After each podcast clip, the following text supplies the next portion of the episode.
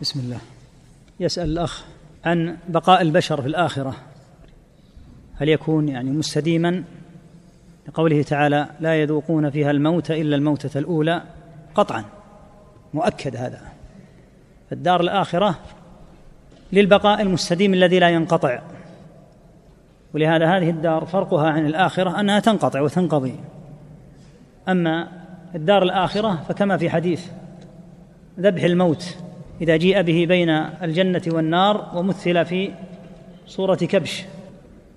ونودي أهل الجنة وأهل النار واشرأبوا قيل أتعرفون هذا؟ قالوا نعم وكلهم قد رآه. فذبح الموت وليس ملك الموت ذبح الموت نفسه يجعل في صورة كبش. فيقال يا أهل الجنة خلود فلا موت ويا أهل النار خلود فلا موت. استمرار أبدي لا ينقطع نهائيا. فهذا في الدار الآخرة. يتكلم الأخ عن موضوع الصفات الاختيارية. الصفات الاختيارية هي التي كما قلنا يتصف بها الرب في وقت دون وقت. خذ مما يبينها صفة الكلام. الكلام صفة ذاتية. فالله تعالى لم يتجدد له أن تكلم بعد أن لم يكن متكلما. فهو صفة ذاتية ملازمة لله عز وجل. لكن آحاد الكلام آحاد الكلام. بأن كلم الله آدم كما هو نص القرآن. كلم موسى كلم محمدا عليهم جميعا الصلاة والسلام. يكلم الناس في الآخرة سبحانه وتعالى أهل الجنة أهل النار. لا شك أن هذه متجددة لكن أصل الصفة وهو الكلام أصلها ذاتي. لا يقال إن الله تعالى لم يكن متكلما فتكلم بل هو متكلم سبحانه وتعالى لكن آحاد الكلام يعني كونه تعالى ينادي أهل الجنة. لم تأتي الآخرة حتى يناديهم فدل على أنه سيتكلم سبحانه وتعالى. وإذا قال أهل السنة إن الله تعالى يتكلم بما شاء متى شاء كيف شاء سبحانه وتعالى. الأخ يقول ما رأيكم في الأشاعرة؟ القضية يا أخوة ليست قضية رأي. قضية قضية تقييم الناس بناء على كونهم ملازمين للسنة أو مخالفين لها. فالمسألة ليست مسألة رأي أو تشهي وإنما هي مسألة لزوم للسنة أو مخالفة للسنة. لا شك أن الأشاعرة لديهم عدد من الأبواب خالفوا فيها اعتقاد أهل السنة خالفوا أهل السنة في الإيمان فقولهم قول المرجئة خالفوا أهل السنة في الصفات. وقولهم ولا سيما متأخروهم أقرب إلى قول المعتزلة وخالفوا حتى الأشاعرة المتقدمين مع أن الأشاعرة المتقدمين عندهم أيضا إشكال في الصفات لكنه ليس كإشكال المتأخرين. عندهم إشكال أيضا في القدر فقولهم هو قول الجبرية. فبناء على هذا لكن لا شك أنهم أحسن حالا من طوائف أخرى لكن كونهم من الفرق المبتدعة بلا أدنى شك. النبي صلى الله عليه وسلم قال لا تزال طائفة ولم يقل طوائف طائفة من أمتي على الحق. وأخبر عليه الصلاة والسلام أن هذه الأمة فيها ثلاث وسبعون فرقة كلها في النار إلا واحدة فسئل عنها فقال هي الجماعة. وفي لفظ قال من كان على مثل ما أنا عليه وأصحابي فالذي يلازم ما كان عليه النبي صلى الله عليه وسلم وأصحابه هو الناجي. ولا شك أنهم هم أهل السنة. فالواجب على أهل الإسلام أن يراجعوا هذا الوضع الخاطئ الذي تطاولت به القرون وأضعفهم وشتتهم. قال تعالى ولا تكونوا من المشركين من الذين فرقوا دينهم وكانوا شيعا.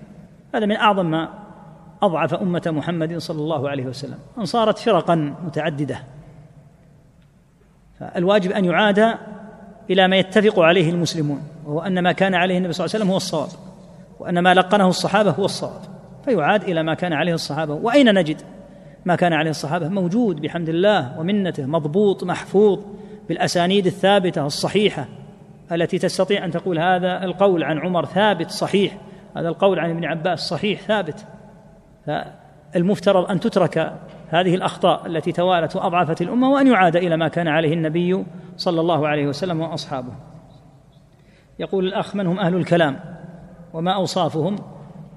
هذا المسمى بالكلام فتنت به طوائف عديدة الجهمية والمعتزلة والكلابية ومن ورثهم من الأشاعرة والماتريدية يسمون متكلمين.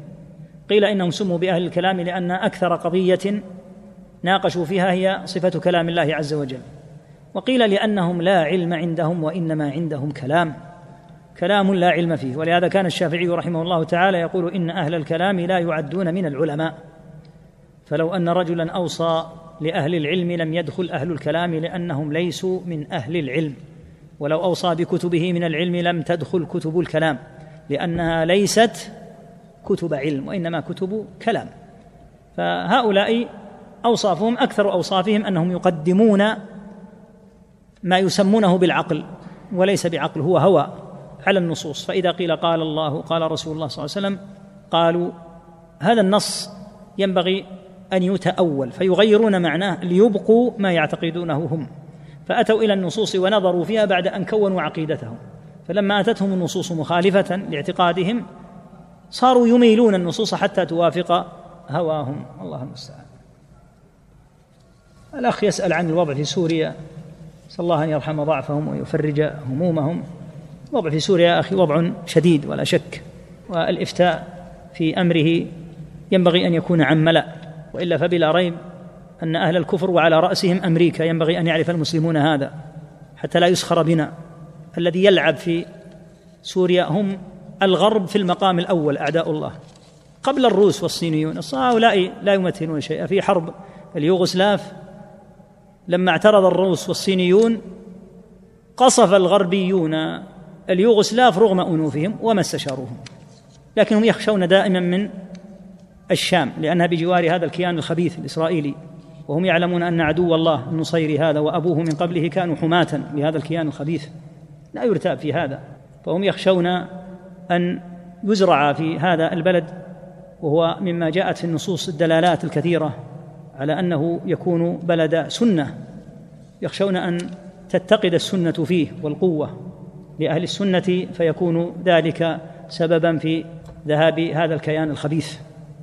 فلهذا الوضع الذي يحدث هو في الحقيقة لعب لعب من قبل هذه القوى الخبيثة. ولهذا لما لم يرق لهم بعض الزعماء اشتركوا في قصفهم وقتلهم كما في ليبيا وغيرها. هذا اطالوا النفس عليه لأنهم يعلمون أنه خادم كأبيه للكيان الإسرائيلي. هذا معروف ومفروغ منه ولم يعد سرا هذا.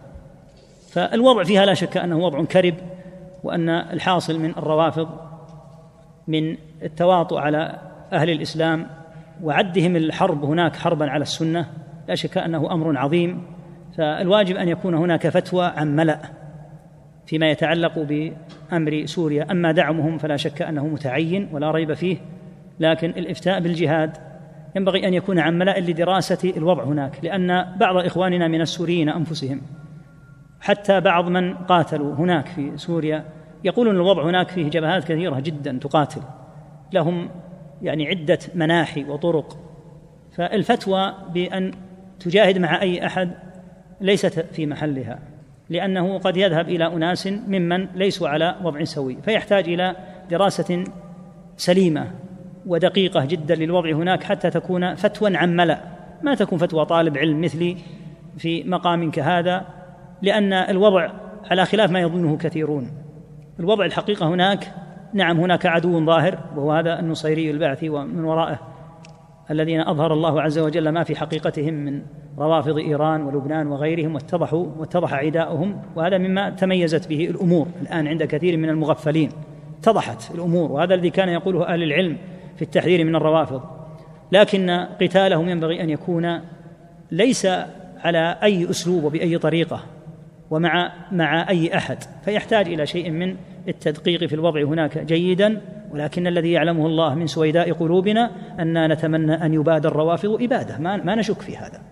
الذي يعلمه الله منا لا نماري فيه أن نتمنى أن يهلكوا هلكة عامة لكن نخشى أن تنفلت الأوضاع لاحقا وأن يكون هناك شيء من الفوضى وتقاتل الناس بعضهم مع بعض كما قد يحدث لأن بعض الناس يجاهد وهو في الحقيقة لا يعرف أحكام الجهاد. الجهاد فيه أحكام شديدة جدا. وبعض من يجاهد لعله لم يفتح كتابا اسمه الجهاد.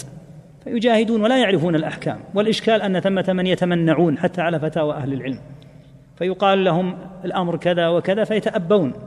فالوضع هناك لا شك أنه وضع مكرب وعظيم على أهل الإسلام وشديد وأن أهل الكفر متمالئون جميعا مع الروافض عليهم. لكن الفتوى العابرة هكذا في جلسة ليست الحقيقة بالأمر الهين ليست بالأمر اليسير. ينبغي أن تكون عن ملأ من أهل العلم وعن دراية بالأوضاع هناك والنظر في أحوال نفس المقاتلين. يقول من يرد الحديث ويقول إنه مخالف للفطرة؟ ما حكمه؟ والطريقة المثلى في التعامل معه؟ سمعت حكمه من أهل العلم والحط على هؤلاء وأمثالهم. هؤلاء أيها الإخوة مجموعة منهم حتى أنا نعرف بعضهم. والله انهم من اجهل خلق الله. نعرف بعضهم بأعيانهم. جهلة. صدروا للأسف في هذه الصحف. والله لا يستحقون هذه المواضع التي يكتبون فيها. والإعلام للأسف الشديد بكل مرارة قائم على الإثارة. هذا عموم الإعلام في العالم. الجدية وما يسمونه بالمصداقية فيه قليلة جدا. قل أن تجد من كتاباته صادقة ومؤصلة. فيسعون بين فترة وأخرى إلى أمر يكثر الجلبة والكلام والقيل والقال والى قاعدة أن رسول الله صلى الله عليه وسلم لا يرد له أمر لا من كاتب ولا من غيره. لكن بين فينة وأخرى تذكر مثل هذه الأمور وتتسبب في شيء من الخلط والأوضاع المقلقة للناس والحقيقة أن هؤلاء يسعون في إضعاف الجماعة هؤلاء الكتاب لأنه يجب أن تلتئم جماعة المسلمين حكاما ومحكومين وأن لا يتسبب هؤلاء في شيء من التشويش. فهؤلاء الآن كلما أخذنا فترة خرجوا بباقعه وببلية وكأن المسألة مرتبة من قبلهم. في كل فترة يحدث كتابة عجيبة غريبة كأن كاتبها في أقاصي أوروبا أو في بلاد ليست بلاد السنة وبلاد التوحيد. فمثل هذه الأمور مجموعة من هؤلاء الكتاب جهلة. والله لو طلب من بعضهم أن يقرأ القرآن قراءة جيدة ما استطاع أن يقرأ. معروفون جهلة. لكن صدروا للأسف الشديد مثل هذا. الواجب أن هؤلاء لا يمكنون من الكتابة وما داموا بهذا الوضع الرذيل والتعمد للفوضى الكثيرة على الناس وإفساد ما بين الناس والتئامهم لا شك أن هذا يجب أن يحال بينهم وبينه. يتحدث عن موضوع ما يتعلق بالساعة من خلال الفيزياء ونظريات الانفجار الكبير هذا ما ينبغي أن يتفطن له. امور أشراط الساعة أمور يوقعها الله سبحانه وتعالى. كون الناس يريدون أن يجعلوا لها سببا محددا يربط به هذه الأمور يوقعها الله عز وجل على ما يريد سبحانه وبحمده وكيف شاء عز اسمه. أما أن تربط هذا الربط بحيث يكون لها سبب مادي أو أن يقال إن الأرض ستنتهي من خلال أن يضربها كوكب ويحدث كذا ويحدث كذا هذا لا ينبغي ولا يليق. هناك أشراط من الساعة بينة جلية واضحة دلت عليها النصوص. أما محاولة تنزيلها على الفيزياء أو محاولة الكلام على ما يسمى بعلم الأرقام وأنه يستطيع أن يحدد عياذا بالله متى تقوم الساعة من خلال أرقام معينة يدعي أنه من خلال هذه الأرقام ستقوم الساعة خلال كذا وكذا. كل هذا من الباطل كل هذا من الخرص والرمي بالغيب ويسبب زعزعة للناس. يقع في مثل هذه الأمور أن يتحدث بأنه سيكون كذا أو كذا وينسب هذا على أنه تفسير لحديث النبي صلى الله عليه وسلم ثم لا يقع.